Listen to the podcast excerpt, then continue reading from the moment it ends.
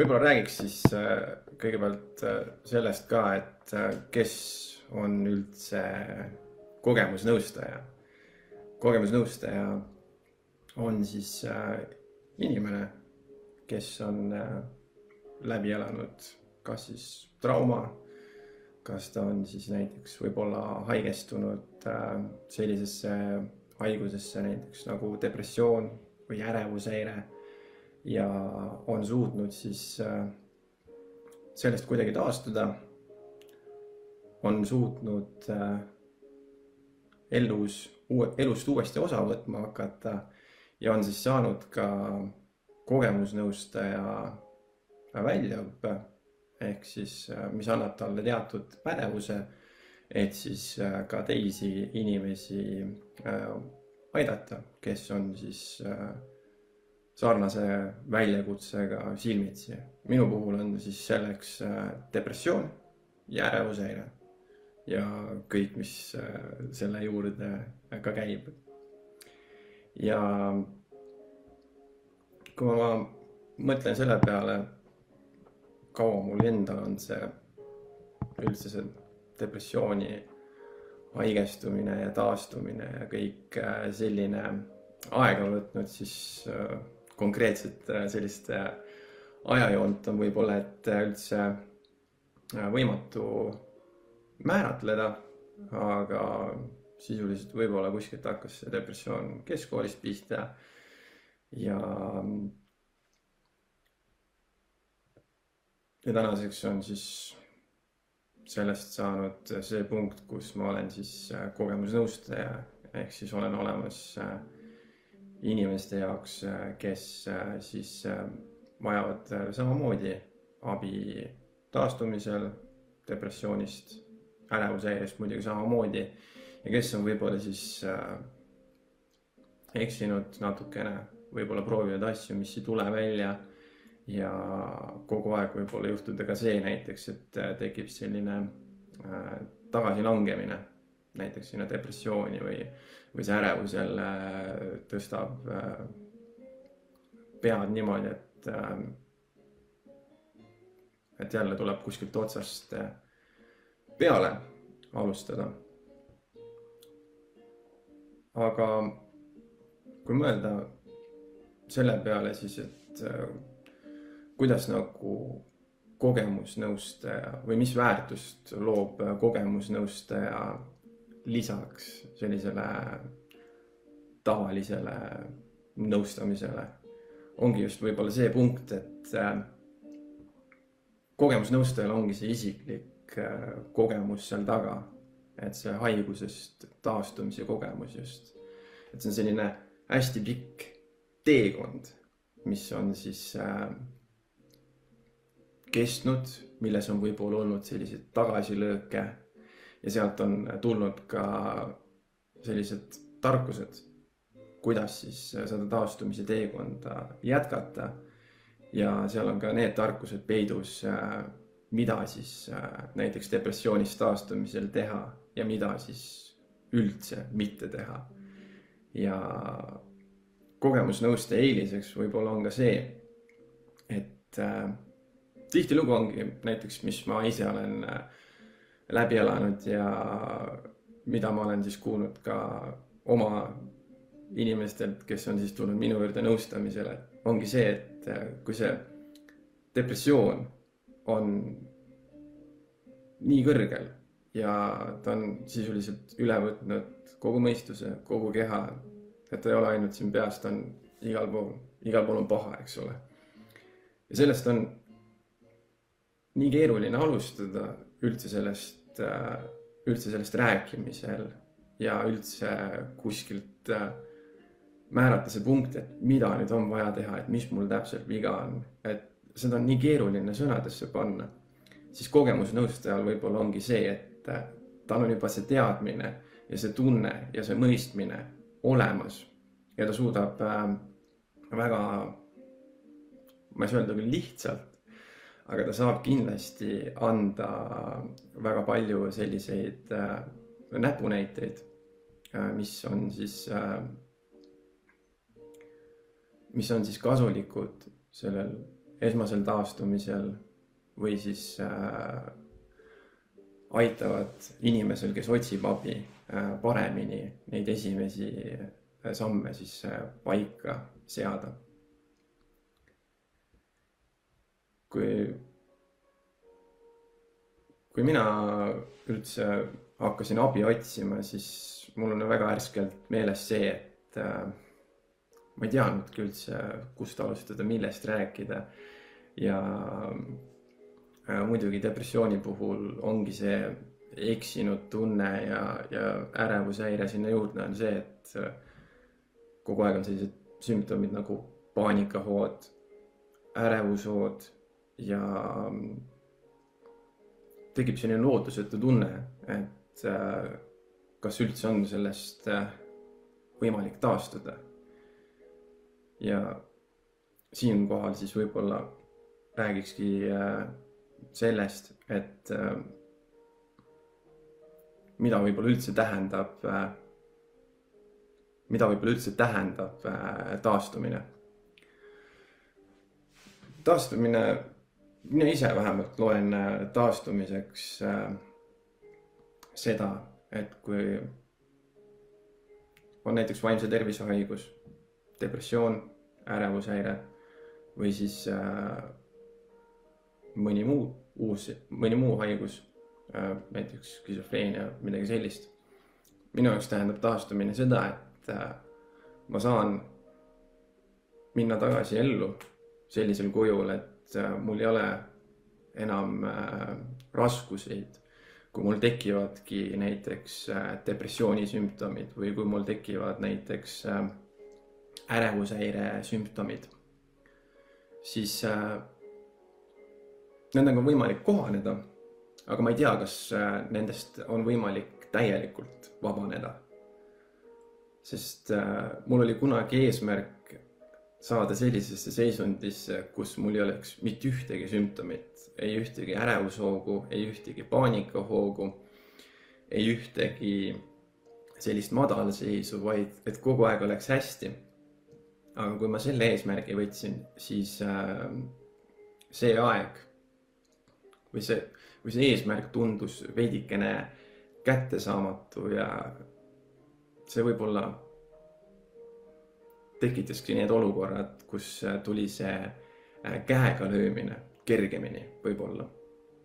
aga nüüd aastaid hiljem, kuskil kuus-seitse aastat hiljem et mul on ikka mõnikord äh, ärevushood, mul on mõnikord ikka paanikahood. aga ma tean, kuidas nendega kohaneda, ehk siis, kui see hoog näiteks peale tuleb. ma tean, äh, mida ma tegema pean, ma tean, et see läheb üle ja ma tean, et äh, see ei jää nüüd edaspidi nii kestma. taastumise puhul, taastumine tähendab minu jaoks ka seda, et ma olen teadlikum enda piiridest, enda võimetest, enda sellistest äh, murekohtadest, millega ma pean äh, alati vaeva nägema edaspidi, et ma ei tohi neid unarusse jätta. ja taastumine on ka minu jaoks midagi sellist, mis äh, jääbki kestma. et see ei ole selline asi, et ma nüüd ühel päeval tunnen, et ma rohkem ei pea endaga tööd tegema, ma nüüd olen saavutanud selle taseme, kus mul kunagi ei tule enam depressiooni, kus mul kunagi ei tule neid ärevushäire sümptomeid. et niipea, kui ma nii arvan, siis on mul mäng läbi jälle ja, ja ma arvatavasti langen tagasi. ehk siis ma olen nagu mõnes mõttes äh, selline nagu taim mille eest tuleb hoolitseda. ja, ja kui milleski teha järeleandmisi, näiteks, et äh, ma lükkan näiteks füüsilist aktiivsust edasi, et äh, mõtlen trenni tegemist, jalutamist äh,, üleüldse kõik, mis natukene pulssi tõstab, et kui ma neid äh,, need katki jätan, siis juba üks äh, tahk sellest äh, taastumise tervikust on unarusse jäänud ja tagasilangemine on äh, reaalsem tekkima ja ilmselt äh, ta tekib ka kui mõelda üldse veel selle taastumise terviku peale. taastumine depressioonist, taastumine ärevushäirest. Ja muidugi ma räägin siin äh, puhtalt enda äh, mättavusest, enda subjektiivse kogemuse põhjal. kindlasti aitab väga palju teraapia, psühholoog kindlasti ja kindlasti aitavad ravimid, mind vähemalt aitasid. ravimitega on muidugi see, et äh, ravim üksi ei tee mitte midagi selles osas. mul oli endal periood, kus äh, ma võib-olla paningi kogu selle panuse ravimi peale. Ja ma arvasin, et ma ei pea võib-olla ise nii palju pingutama ja võib-olla ma ei tahtnudki pingutada nii palju, sellepärast et äh, selles depressioonis oleku ajal tundub, et iga füüsiline pingutus või asi, mis natukenegi paneb südametööd natukene kiirendama, siis on selline tunne, et äh, äkki süda lendab õhku või süda jääb seisma või äkki ma saan südamerabanduse või midagi sellist. ja siis ma jäingi suht suure panusega ravimite peale lootma. aga ravim üksi ei tee midagi. ravim aitab selles mõttes, mind vähemalt aitas äh, sinna punkti, et kus mul ei olnud enam neid ärevushooge, kus mul ei olnud enam äh, paanikahooge kuskil viis või kuus tükki päevas. ja ma sain hakata keskenduma siis just sellele, mis on oluline. ehk siis põhjustele, kuskohast on see depressioon alguse saanud ja kuskohast on need ärevuse sümptomid pärit. ja see just andiski selle järgmise hüppe taastumise teekonnal hakata põhjustega tegelema. ma vahepeal äh, vaatan, et on tulnud ka kommentaare, üritan äh, neile nüüd äh, vastata järgemööda. ma vaatan, et kõigepealt Sandra on kirjutanud, et on ootanud, millal ma uuesti laivi teen. aitäh, ma ise ka ootasin tegelikult pikisilmi. Ingrid küsib, kuidas suhtuda antidepressantidesse. ma ütleks, et nendesse tuleks suhtuda täpselt sellisel kujul, mis, mismoodi nad sind ennast tundma panevad. et kellegi teise arvamust või toimet ei tohiks panna number üheks, vaid tuleks just äh, suhtuda sellesse just sellisel viisil, kuidas nad sind ennast tundma panevad. kui nad töötavad, siis aga palun, tuleks ju neid äh, edasi võtta. ja muidugi antidepressandid äh, kindlasti vastavalt raviplaanile, et seal sellist omaloomingut ei ole mõtet teha. kõigile tere vastu, kes on kirjutanud äh, kommentaarid. ja Tiia küsib, kui kaua ma ravimeid äh, olen võtnud, siis äh, aus vastus on see, et ma võtan ravimeid tänase päevani. kuna mu raviplaan lihtsalt näeb ette ja ma pigem ei taha sellist omaloomingut sinna teha, sest äh, raviplaan on just see, et antidepressantide puhulgi, et nad on kindlaks määratud ja ma lihtsalt konsulteerin väga palju oma psühhiaatriga, kes siis samamoodi kuulab mind ja vastavalt meie mõtete vahetusele, meie infovahetusele selgub ka edasine äh, raviplaan. ja mind on nagu ravimid aidanud. ma olen võtnud mitmeid erinevaid ravimeid, et leida just üles see õige. ja praegu, praeguse ravimiga selles suhtes ma ei tunne, et mul oleks mingi hea olla või et mingi sihuke rõõm oleks või elu, elutahet täis, mul on lihtsalt täiesti tavaline olla ja ma tunnen rõõmu sellest lihtsalt, äh, mis ma teen, millised on mu eesmärgid ja kui palju ma olen siis sellel taastumise teekonnal edasi arenenud. see on vähemalt minu enda selline seisukoht ja, ja see on, see on muidugi subjektiivne, see ei ole nagu sajaprotsendiline tõde uh,. kindlasti on oluline rääkida taastumise juures ka ebaõnnestumistest ja tagasilangemistest ja üleüldse, kui kaua see taastumine võib, võib siis nagu aega, aega võtta. vahepeal vastan ühele küsimusele, et kui on küsitud, et kui depressioon on seotud kroonilise haigusega, siis reaalis aitab vaid enda viis leida igas alas positiivsust. see on absoluutselt väga hea mõttetera kui tulla tagasi languste juurde ja üleüldse selliste ebaõnnestumiste juurde, siis mul on neid sellel taastumisteekonnal olnud väga-väga-väga palju. ma olen pidanud äh, mitu korda uuesti alustama ja uuesti alustama sellisest punktist isegi võib-olla, mis oli veel hullem kui see esmahaigestumine üldse. Äh, minu selline toimetuleku viis alguses oli lihtsalt joomine, alkohol, lihtsalt, et kuidagigi enda neid kannatusi leevendada. mida ma muidugi ei teadnud, oli see, et see tegi minu depressiooni ja minu ärevushäiret nagu kordades rohkem võimsamaks.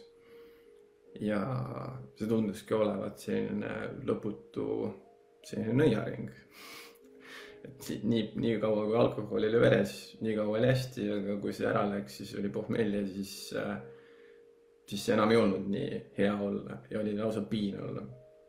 aga muidugi selle kõige alguses üldse, kui mul see kõik juhtus.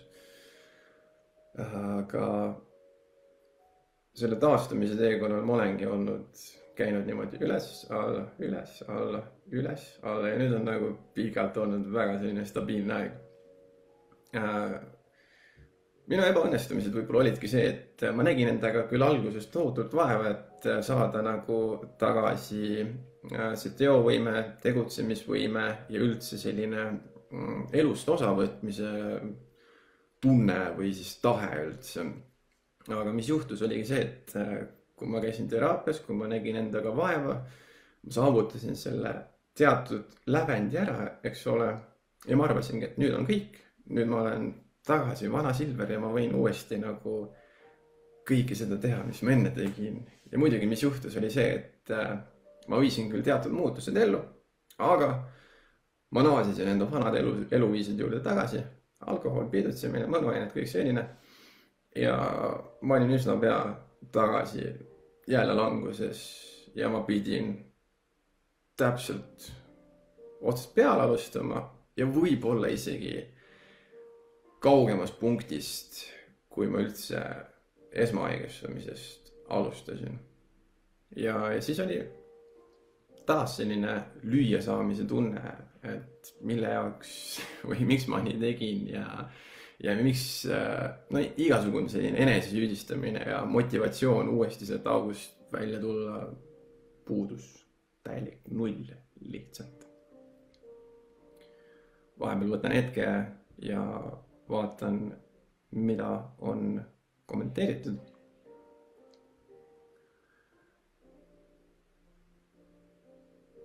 ja kommentaar, kus ongi näiteks antidepressantide kohta, et aastaid on ravimeid võetud, aga ikka on halbu päevi. mida siis teha, kui on kehvem päev? selles osas ükski asi ei jää kestma, kui on hästi see läheb mööda ja kui on halvasti, see läheb täpselt sama mööda, samamoodi mööda. mind ennast on aidanud äh, enda progressi mõõtmine või siis kirjapanemine. ma kirjutan oma mõtteid ülesse. ma kirjutan neid mõnikord telefoni, ma kirjutan neid mõnikord paberile.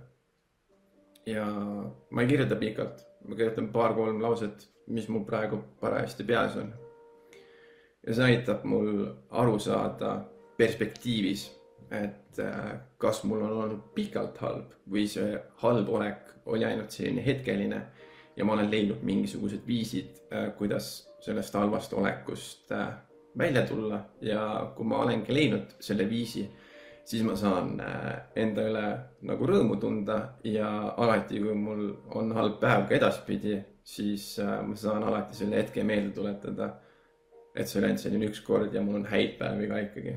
see on nagu selline positiivne lähenemine minu puhul.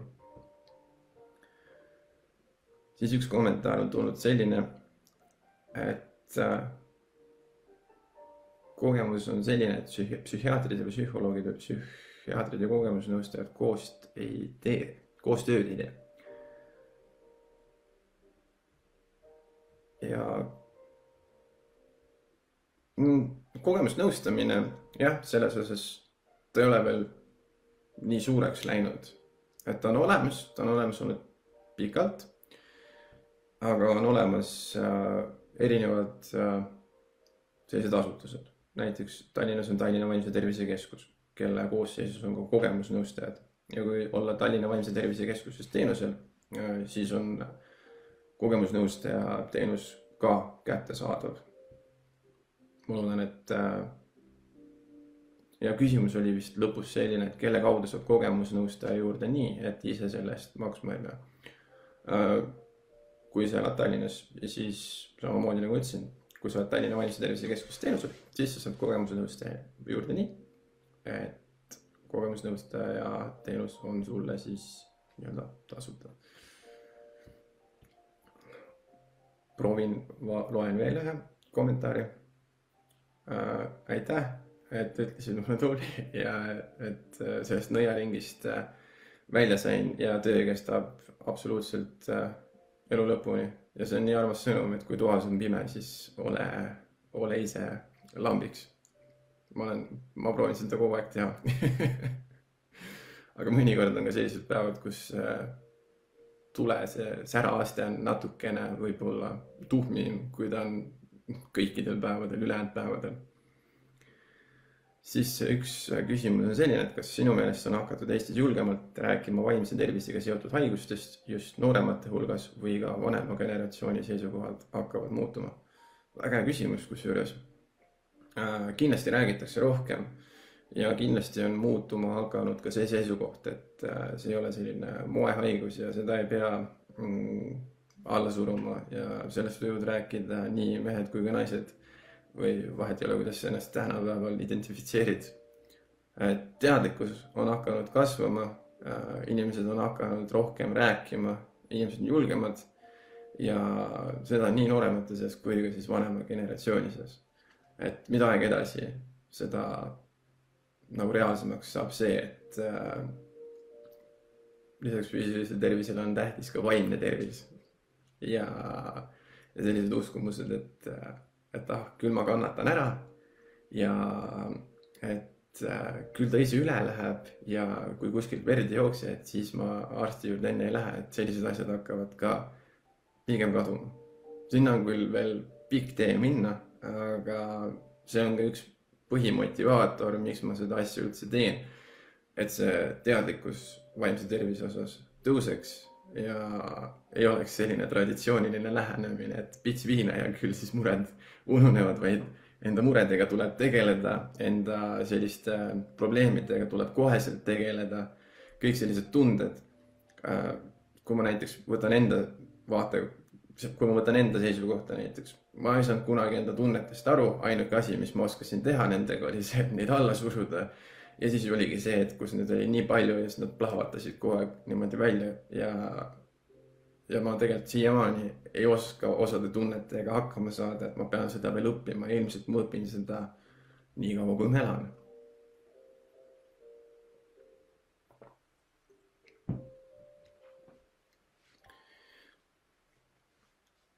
üks küsimus tuli juurde, kuidas suhtuda inimestesse, kes ei mõista, et tarvitan psüühilisi ravimeid minu, minu esimene mõte oleks äh, selle peale, et kas on üldse vaja neid mõistma panna. kas see annab sulle endale midagi? võib-olla küsiks hoopis niipidi. Äh, millises keskkonnas sa ise rohkem soovid olla?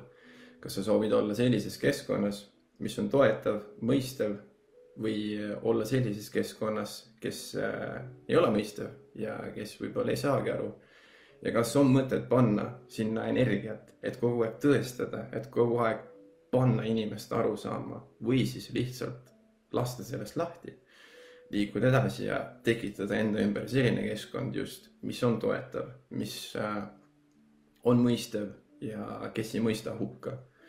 muidugi teoorias on see hästi lihtne ja ideaal nagu maailm ei ole, ideaalmaailmas võiksid asjad niimoodi käima, aga päris maailmas kahjuks nii ei ole. Ja iga asi muidugi võtab aega. kindlasti mul on endal olnud kokkupuudet, kus võib-olla ei saada aru ravimitest näiteks. Ja on alati tulnud sellised äh, teatud hoiakud ravimite suunas, et äh, need muudavad sind kellekski teiseks ja see on mürk ja tuleb ise hakkama saada ja üldse arstid ei tea mitte midagi. et tuleb lihtsalt äh,, ma ei tea, minna mingi nõia juurde ja teha, lasta endale mingi loits peale panna. see on muidugi hästi ekstreemne näide, aga siiski, mida aeg edasi, seda rohkem ma olen leidnud, et äh, kui ma teen neid tegevusi, mis valmistavad mulle endale rõõmu, kui ma tegutsen nii, et ma näen tulemusi, siis mul on motivatsiooni rohkem ka äh, edasi tegutseda. ja kui ma hakkan ennast hästi tundma, siis ma hakkan järjest rohkem aru saama, äh, kes on minu ümber nagu siis inimesed, kes on äh, alati minuga siis, kui on hästi ja kui on ka halvasti. ja inimesed kes äh, võib-olla ei mõista mind ja kes võib-olla ei saa mu asjadest aru, siis neid jääb nagu järjest vähemaks. oleks äh, minu, minu mõt-, mõttekäik siia juurde. ja noh, üldse see ümbritsev keskkond on nagu taastumise juures äh, võib-olla üks võtmesõnadest tegelikult, sest ma olen ise üritanud väga mitu korda terveks saada keskkonnas, mis mind tegelikult katki tegi ehk siis äh, ma olen mitu korda roninud sealt depressiooniaugust välja ja isegi seljatanud selle ärevuse mõnes mõttes. aga ma olen alati ellu tagasi läinud just nagu sinna punkti, kus mul see halb pihta hakkas. ehk siis, ehk siis äh, mega stressirohke keskkond äh,. inimesed võib-olla mu ümber, mõned ja minu enda selline käitumine ehk siis iseenda tuimestamine, iseenda muredega mitte tegelemine ja, ja arva, ja arvamine, et, et ma jään selliseks staatiliseks, et, et ma ei pea rohkem muutusi ellu viima, aga mida aeg edasi ja mida rohkem ma muidugi ebaõnnestusin, seda rohkem ma hakkasin ka õnnestuma. ja, ja tänaseks päevaks ma vähemalt tean seda, et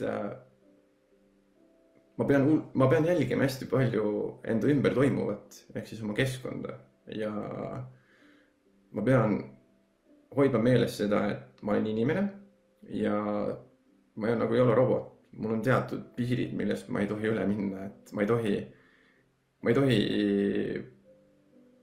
unetunde näiteks ohverdada. ma ei pea enda selliseid tegutsemisi lõpmatuseni põhjendama, oma tundeid, selliseid asju ma pean keskenduma iseendale väga suure väga,, väga-väga-väga palju. ja kui mul seest on kõik hästi, siis mu ümber on ka kõik hästi. vähemalt mulle tundub see praegu nii. ja üleüldse, kui läheb raskeks ja eriti, kui on depressioon kimbutab või midagi sellist, siis üksi on seda teed väga raske käia ja just see abi küsimine, see on üks väga suur tugevus, mida inimene suudab iseenda jaoks teha, midagi, midagi ette võtta ja, ja minna eluga üldse edasi nii, et ta ei pea hambad ristis nagu kõike tegema.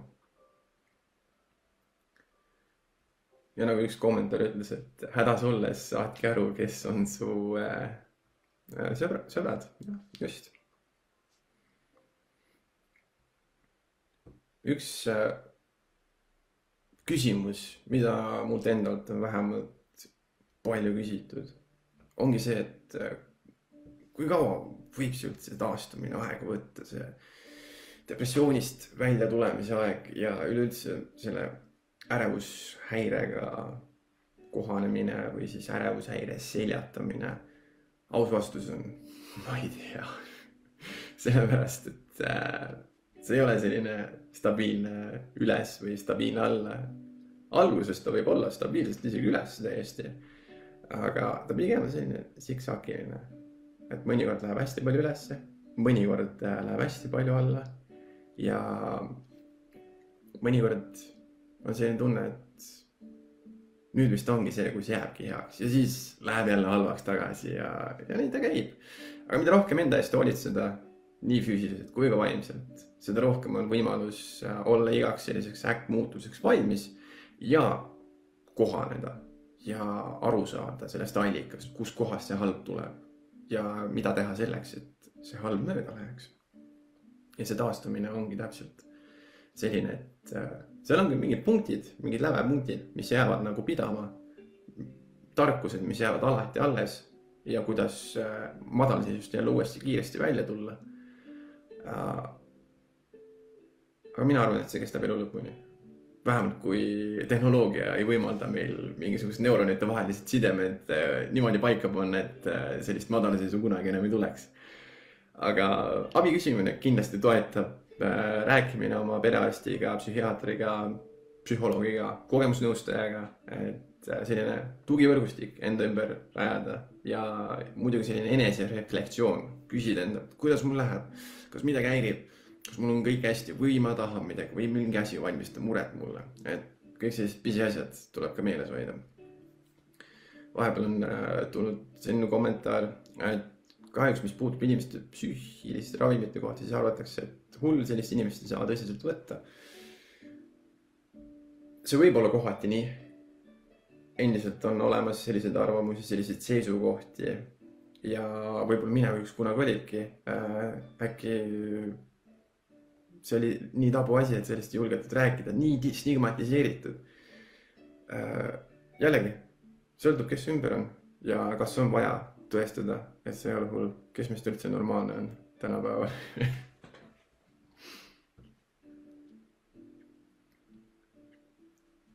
uuesti proovimised, mis on seotud nagu ebaõnnestumistega, et äh, kui see taastumine ei taha üldse välja tulla või see, või sellel ei ole mingisuguseid efekte või koheseid tulemusi, siis mind on aidanud hästi palju see, et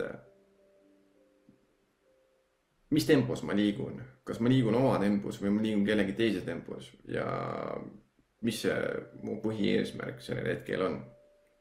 Et äh, kas ma märkan ka isegi selliseid oma pisikesi edasi astutud samme või ma mõtlen ainult sellele lõppeesmärgile kogu aeg.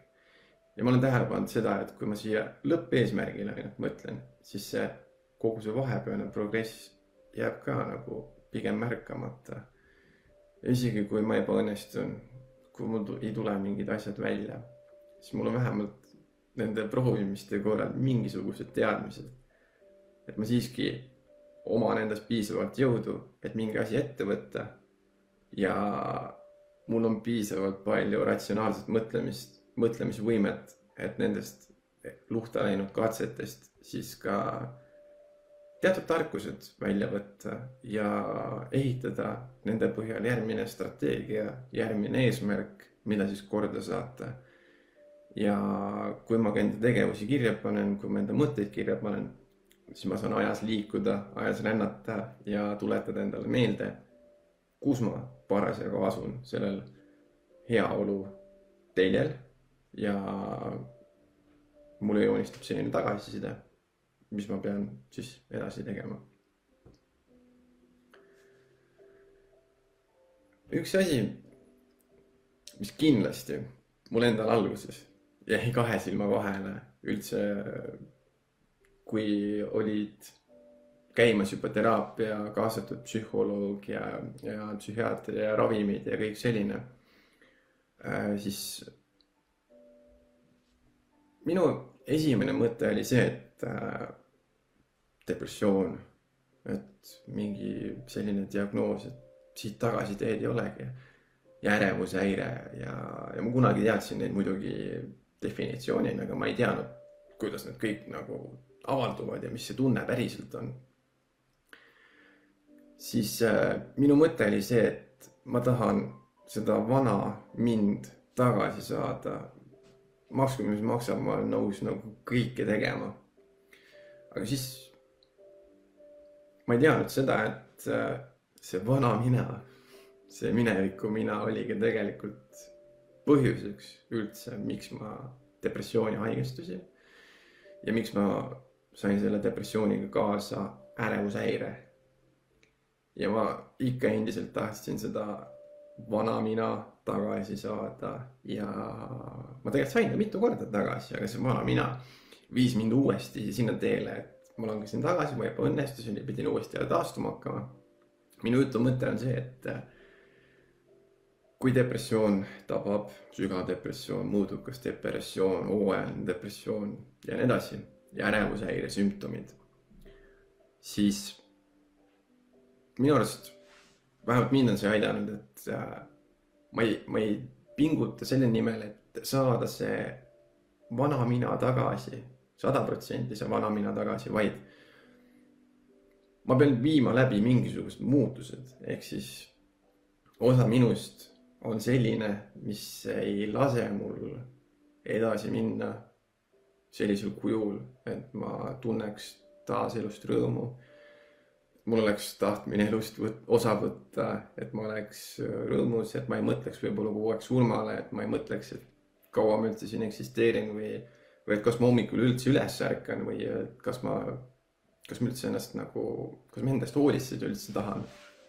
et äh, muutused on nagu sellised asjad, mis on mind väga palju edasi viinud just sellel taastumise teekonnal, üldse depressioonist, äh, ärevushäirest. et muutus ei ole muidugi selline asi, mis juhtub niimoodi üleöö. ja seda, mida üldse muuta, võib olla väga keeruline üles leida esialgu.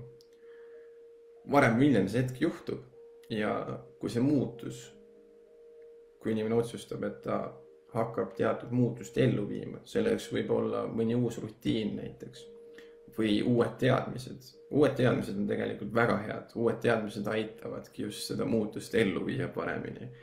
Äh, näiteks, mis mind toetab seni tänase päevani, on äh, selline regulaarne ööpäevarütm ehk siis kindlas ajaaknas ärkamine ja kindlas ajaaknas uinumine, mis omakorda juhib kõiki teisi protsesse minu kehas.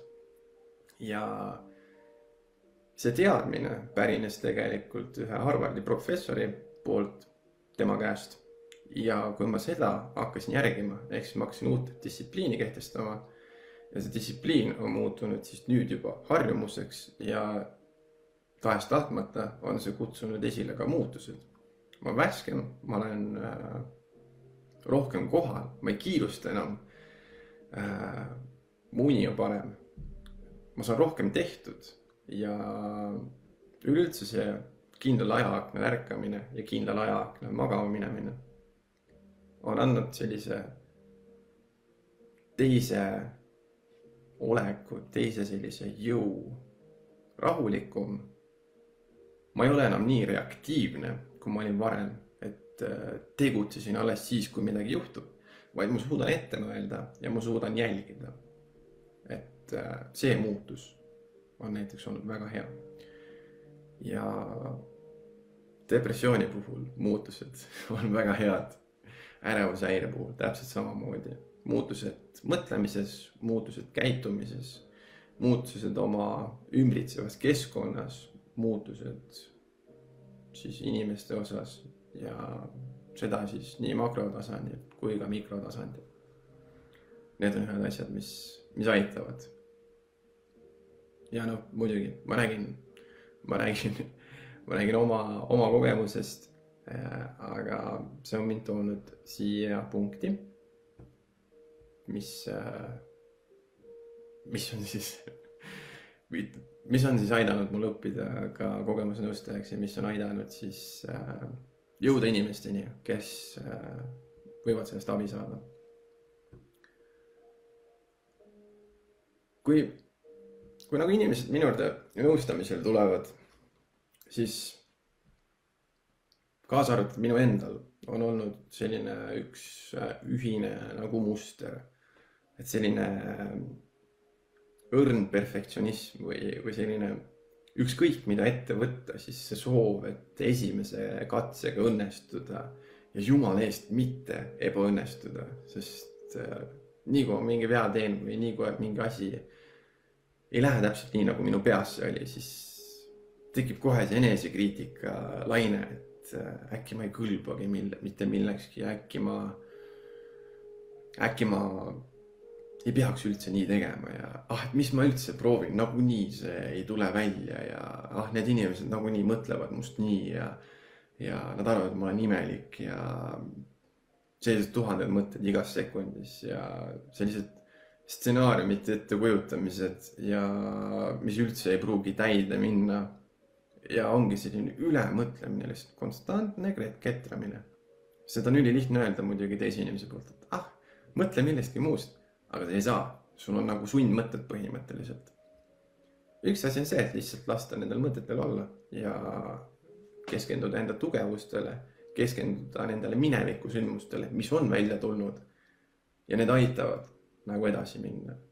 ja võib-olla aitavad leevendada seda hirmu, et kui midagi läheb valesti ja lihtsalt võtta endale teadmiseks saada sealt mingisugused tarkused ja siis edasi minna taaskord. vastan kähku äh, ühel kommentaarile. Silvia küsib, kas ma nädalavahetusel lähen ka kindlal ajal magama ja ärkan kindlal ajal. ja ma ka nädalavahetusel jätkan täpselt sedasama rütmi, nagu mul on ka nädala sees. sest äh, alguses ma proovisin teistpidi, et nädalavahetustel ma olen natukene teises ajaaknas, aga ma praeguseks olen tähele pannud, mida regulaarsem mu see päevatsükkel on, seda paremini ma toimin. ja ma olen lihtsalt võtnud äh, selle ka siis nädalavahetustesse kaasa. lisaks sa mainisid, et äh, värskes õhus liikumine, see on nii hea, sest nii kui ma selle ise kasutusele võtsin, samamoodi on mu elu päris palju muutunud üks asi, mis jalutamine kindlasti aitab teha, on see, et ta vahetab äh, su kohaloleku teatud ajukeskustes ära.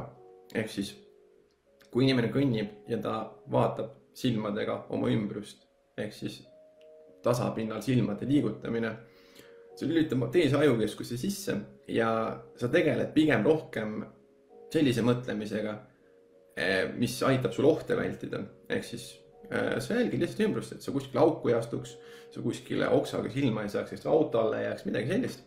ja üldse selline ratsionaalne pool saab minna vabalt kuskile rändama ja ta käibki kõikides nendes kohtades ära, kus sul vaja mõte, mõttega minna on. sul ei ole selliseid segajaid ümberringi, näiteks inimesed, äh, telefon ja noh, muidugi, kus ilma muusikata liigutab looduses ringi, siis seda parem on. siin võib-olla soovitaks ka seda, et ma selle jalutamisega seoses, kui ma lähen ühest keskkonnast, näiteks kui ma tulen töölt koju, siis ma ei taha seda teha äkitsi, ma tahan, et sinna jääks sihuke ajaaken ja jalutamine aitab selle ajaakna ilusti ära täita, ma saan mõelda. ma saan ennast korra välja lülitada. koju tulles ma olen hoopis äh, teise sellise laine peal. ma olen rahulikum ja ma ei rapsi ja ma ei, ma ei kiirusta ma võtangi selle hetke endale ja jalutamine on mõnes mõttes ka trenni eest olnud. ja ma kindlasti jätkan seda regulaarselt. muidugi ma ei taha üle pingutada, sest äh, ülepingutamine ka ei ole hea, aga Silvia, absoluutselt see, et sa jalutad, see on, see on väga tänuväärne tegevus. teemadest äh, võib-olla ka vaadata natuke üldse võtab professionaalid, nii psühholoog kui ka psühhiaater, kui ka võib-olla tegevusjuhendajad ja tugiisikud ja kõik selline, et see on, see on kõik selline, üks selline sfäär, kuhu kuuluvad ka kogemusnõustajad. ja eks me tihedalt teemegi omavahel koostööd, et äh, oleks äh, alati teatud edasiminekud ja kui ma ise, kui ma mõtlen enda nende äh, käikude peale, kui ma olin raviarstide juures, näiteks äh, psühholoog. kui esmahaigestumine oli, ma ei teadnud ise üldse, millest rääkida, ma ei teadnud, kust kohast alustada üldse. ja, ja võib-olla ka see, et äh, mul oli võib-olla selline tahtmine ilustada oma seisundit, et ma ei, võib-olla ei rääkinud täiesti sajaprotsendise aususega, et ma näitasin, et mul on võib-olla natuke parem olla, kui mul tegelikult päriselt on olla. ja ma ei julgenud võib-olla ka nii avatult rääkida sellel ajal oma psühhiaatrile just, et äh, mis minuga parasjagu toimub, et äh, ma kartsin hukkamõistu, ma kartsin seda, et äkki ma saan mingi sildi endale külge, ma kartsin muidugi seda, et äkki see info läheb kuskile levima. aga mida aeg edasi, seda avatumaks ma muutusin oma raviarstidega. ja mida rohkem toimus see suhtlus, mida rohkem ausamalt ma rääkisin oma seisundist, oma sümptomitest, oma hetketunnetest, seda parema vastu, seda, seda parema vastuinformatsiooni ma sain oma raviarsti käest ja koos tegutsedes, koostööd tehes tulid ka sellised eesmärgid paremini välja ja üldse selline suuna võtmine, mis üldse aitab, milliseid ravimeid võtta, milliseid ravimeid mitte võtta. ja üldse selline, kuidas enda eest hoolitseda ja mida teha siis, kui on see kõige tumedam aeg. ja sellised küsimused. ja muidugi see, et äh, enda töö on seal võib-olla kõige suurem osa üldse, et äh, kui me jagame selleks kümneks erinevaks osaks, et siis on võib-olla ravimid on äh, kaks kümnendikku, äh, teraapia võib-olla neli kümnendikku ja ise oled see ülejäänud kuus, ise tuleb nagu kõik see töö ära teha ja tuleb endast hoolitseda, tuleb, tuleb iseenda vastu aus olla. vot see aus olemine võib-olla ongi, vähemalt minu jaoks oli üsna keeruline. et äh, ma võib-olla tahtsin liiga palju õnnestuda, mis pani mind iseendale valetama, et ah, hea küll, ma jõuan küll ja mul on päris piisavalt hea olla ja küll ma saan kõikide asjadega hakkama, mis mul, mis kohustused mul on. aga võib-olla ma ei olnud valmis ja võib-olla ma tahtsin liiga vara, liiga kiiresti minna tagasi siis ellu sellisel kujul, et ma nüüd olen omadega rohkem korras ja saan elust osa võtta, kuigi võib-olla ma tegelikult sees olin veel äkki varemetes ja mul võib-olla olid need sümptomid ja ma otsustasin neid lihtsalt ignoreerida. aga põhiline ongi see, et liikuda omas tempos ja muidugi ülemõtlemine on kerge tulema, et mida teised arvavad või kuidas teistele üldse rääkida oma hetkeseisundist ja üldse, keda usaldada ja ja üldse, et kui seda progressi ei näe, et mida võib-olla siis teha ja ega neid mõtteid on sellel hetkel palju peas ja need sümptomid äh, sellel hetkel võivad segada seda edasiminekut ja, ja näha võib-olla enda tugevusi. Aga lõppkokkuvõttes on ikkagi see, et äh, kui hästi, see läheb mingi hetk mööda. kui on halvasti siis see samamoodi ei jää igavesti kestma, et see läheb ka mingi hetk mööda. millal see mööda läheb? Neid asju on pigem keeruline lahti mõtestada. kui sa siis enda tegevusi ja enda meeleolu ja üldse oma sellist tundeid õpid, kas siis kohe ära tundma või siis üles kirjutades ära tundma, koguda neid kuskile, et siis on lihtsam märgata. kas on enda puhul stabiilne kõik, kas on hästi või on selliseid murekohti, millega võib-olla tuleks tegeleda. ja noh, neid asju on tegelikult äh, meeletult äh, palju, mille eest kogu aeg äh, hoolt kanda, mille eest, mida meeles hoida. Ja noh, paratamatult juhtuvad sellised asjad, et inimene harjub lõpuks kõigega. ja ikka tekib selline teatud mugavus, mugavustsoon siis elus äh, ükskõik millega, asi lihtsalt muutub tuttavaks ja asi lihtsalt muutub äh, rutiinseks. Ja siis on võib-olla lihtsam asju unustada.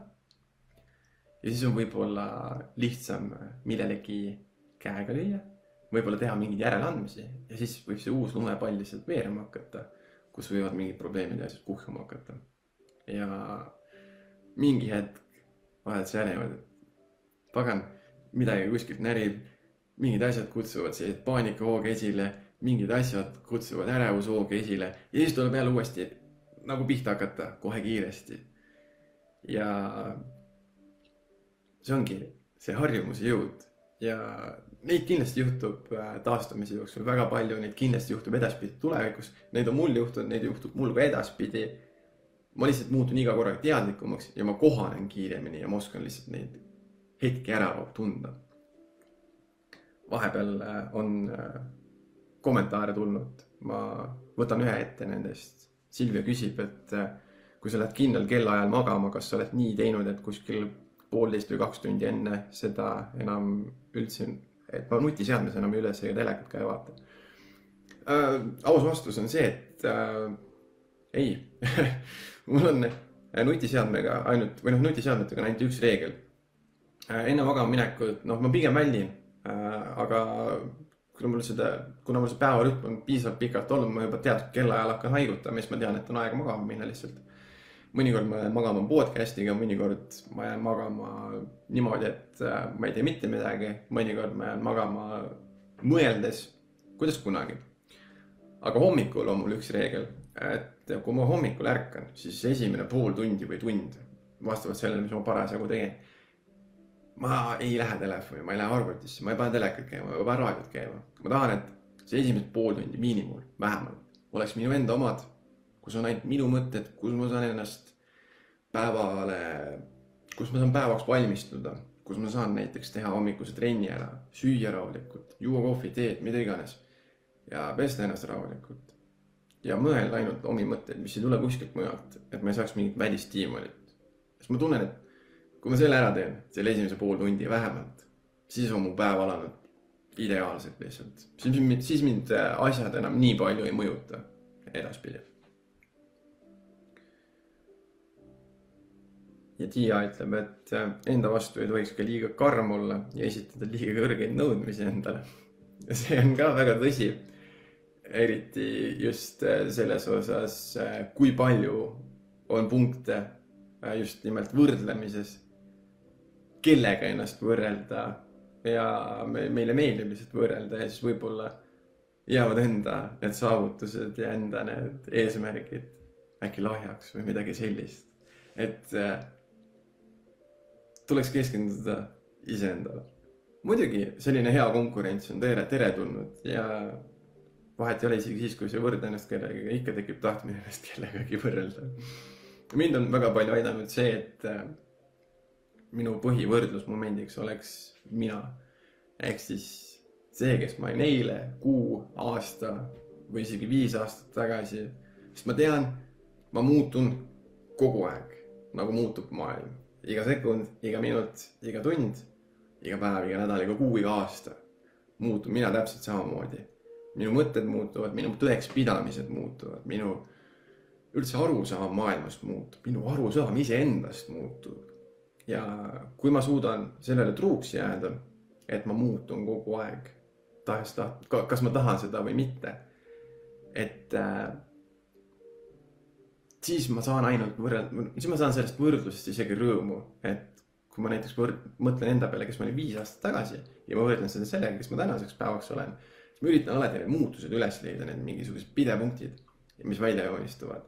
Ja siis ma saan vaadata, et kas need on olnud head, kas need on olnud halvad, kui need on head olnud, siis ma olen väga rõõmus enda üle. ja kui need on olnud mõned sellised, millele ma võib-olla kõige rõõmsam ei ole, hea küll, ma üritan sealt leida üles mingisuguse õppetunni vähemalt. ja üleüldse kunagi tuli selline äh, lahe idee ühest internetikeskkonnast nagu Reddit. keegi kirjutas seal äh, kolme mina põhimõttest ehk siis äh, inimesel võiks olla kolm parimat sõpra ehk siis need oleks äh, mineviku sina, oleviku sina ja tuleviku sina. ja põhieesmärk oleks siis need äh, teha omavahel parimateks sõpradeks. ehk siis oleviku sina saab olla tänulik mineviku sinale teatud äh, toimetuste, tegevuste eest, mis oleks, mis olid oleviku sina kasuks. ja oleviku sina saab teha kõik selle nimel, et tuleviku sinal oleks hästi. kas siis homme, ülehomme, kuu aja pärast, aasta pärast, viie aasta pärast. ja tuleviku sina kunagi vaatab tagasi kõigele nendele eelnevale kahele minale ja on samamoodi tänulik kõige selle eest, mis tema jaoks tehtud on.